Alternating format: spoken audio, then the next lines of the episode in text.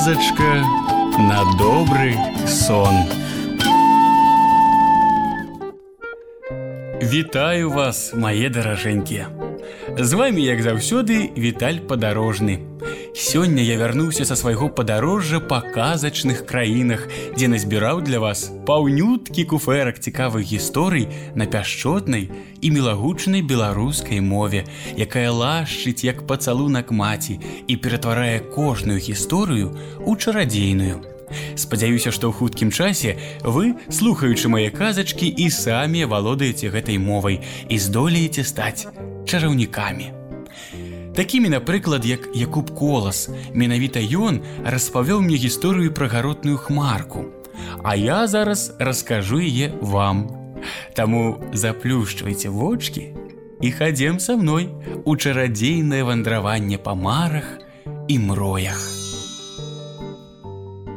Ніякага клопату і гора не ведала гэта прыгожая белая хмарка.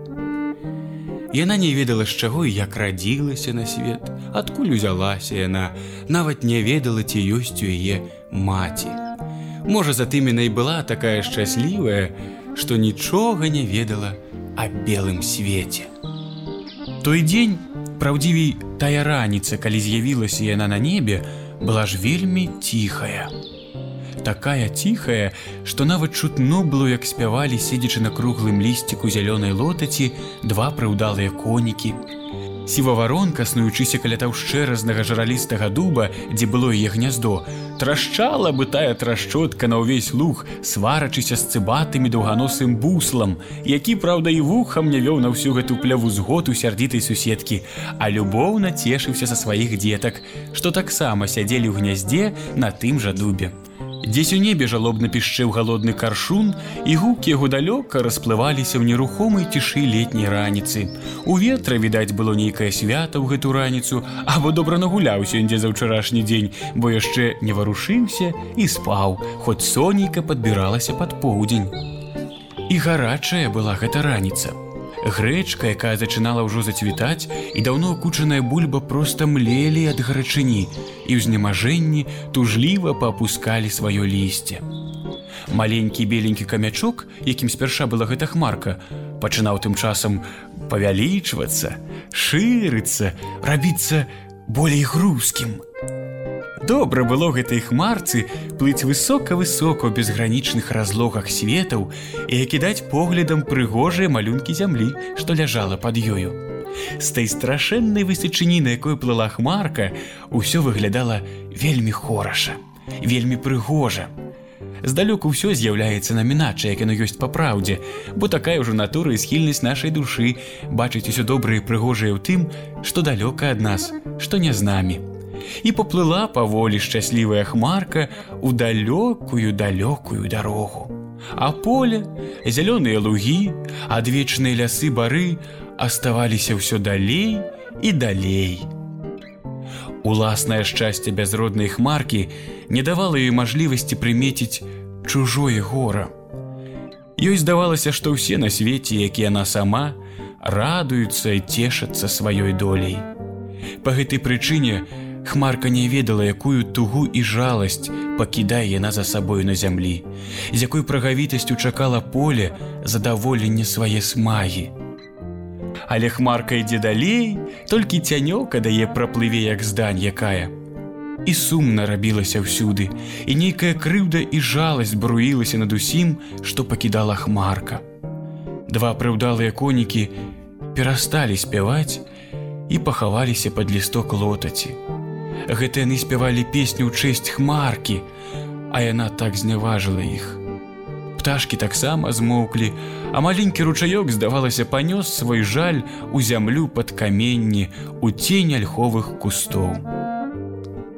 А хмарка шчаслівая, радасная, ясная, як майская раніца ўсё ішла, ішла далей далей да невядомых краёў свету.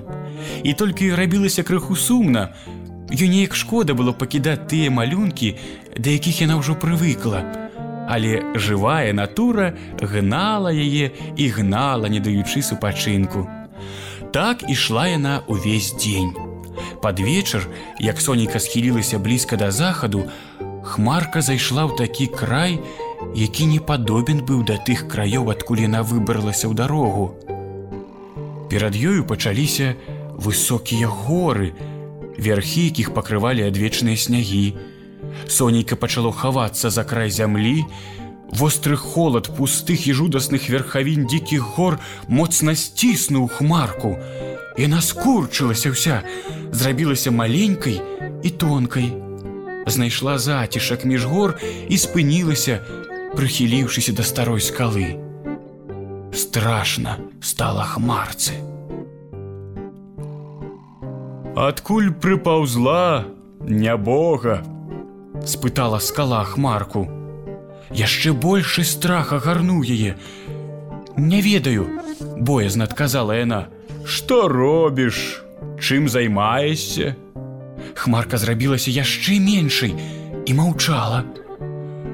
Я люблю паслухаць, што робіцца на свеце. Апраўдвала скала сваё пытанне. Што ж ты бачыла? Раскажы мне. Хмарка крыху асмелілася, і пачала расказваць, як хораша на зямлі, як усе там шчаслівы і радасны, як спяваюць мошкі, конікі, травы, збажына.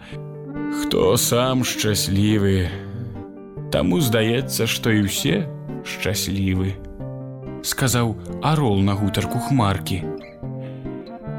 Быў і я ў тых краях, адкуль прыблуталася імасць. Там гаворыш шчасце. А што ж по-твойму няшчасце? Там палі выплакалі апошнія слёзы, каб даць табе жыццё, шчаслівая хмарка. І цяпер там нават расы не бывае. Але не для таго назначаліся слёзы, каб радзіць цябе на свет для бадзяння па чужых краях. І доўга яшчэ гаманіў арол, наракаў на хмарку. Слухала хмарка нараканне арла і прыкра зрабілася ёй. Прайшла ноч, зачаўся новы дзень, зноў пайшла ў дарогу хмарка. Але цяпер яна ўжо не чула сябе шчаслівай і вольнай, як наўперад. Так глыбока запалі ёй арліныя словы. Дні ішлі, праходзілі тыдні, А яна як заклятая ўсё хадзіла па свеце. І дзе толькі не была яна, якога гора не прыйшлося зажыць ёю дарозе, насілася яна над пустэлямі, перад ёю рассцілаліся моры, якія не мелі берагоў, ганялі яе ветры і рвалі на кусочкі е тонкія валаконцы. І нідзе на свеце не было ёй супакою. І вярнулася яна зноў у той край, адкуль і выйшла. Пажоўклыя палі, сухія травы, пагарэлая збажынка, гаротна віталі хмарку. Пацямнела яна, зажурылася, папускала пасмы і заплакала холоднымі слязьмі, над роднымі палями. Стары дуб, абмыўшыся дажджом, павесялеў і сказаў да бусла, з якім даўно ўжо быў у дружбе: От навука для тваіх дзяцей. Моцна ж накажы ты ім дружа, каб не лёталі дарэмна па свеце, не бадзяліся. У сваім родным кутку работы досыць для кожнага.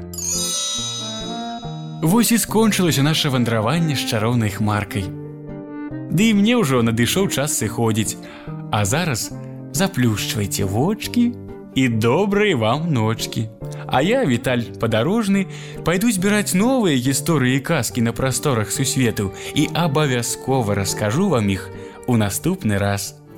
Добра зорачкі заранкі, гэта кветкі неба, пасля калыханкі спаць заўсёды трэба. Раз, два, три, четыре, пять, засынаем. Раз, два, три, четыре, пять, баю,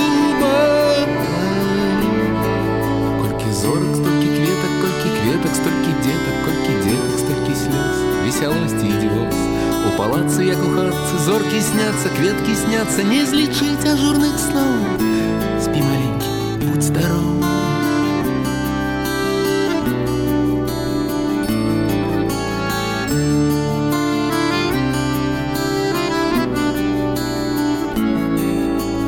Зорачкі лагодай неба агарнулі кветачкі ў гародах як адна паснулі раз два три чатыры пять засынаю раз два три чатыры пять баю зорак столькі кветак колькі кветак толькі детак колькі детак столькі слёз весялосці ідзёс у палацы як у хатцы зоркі сняцца кветкі сняцца не злічыць ажурных сноў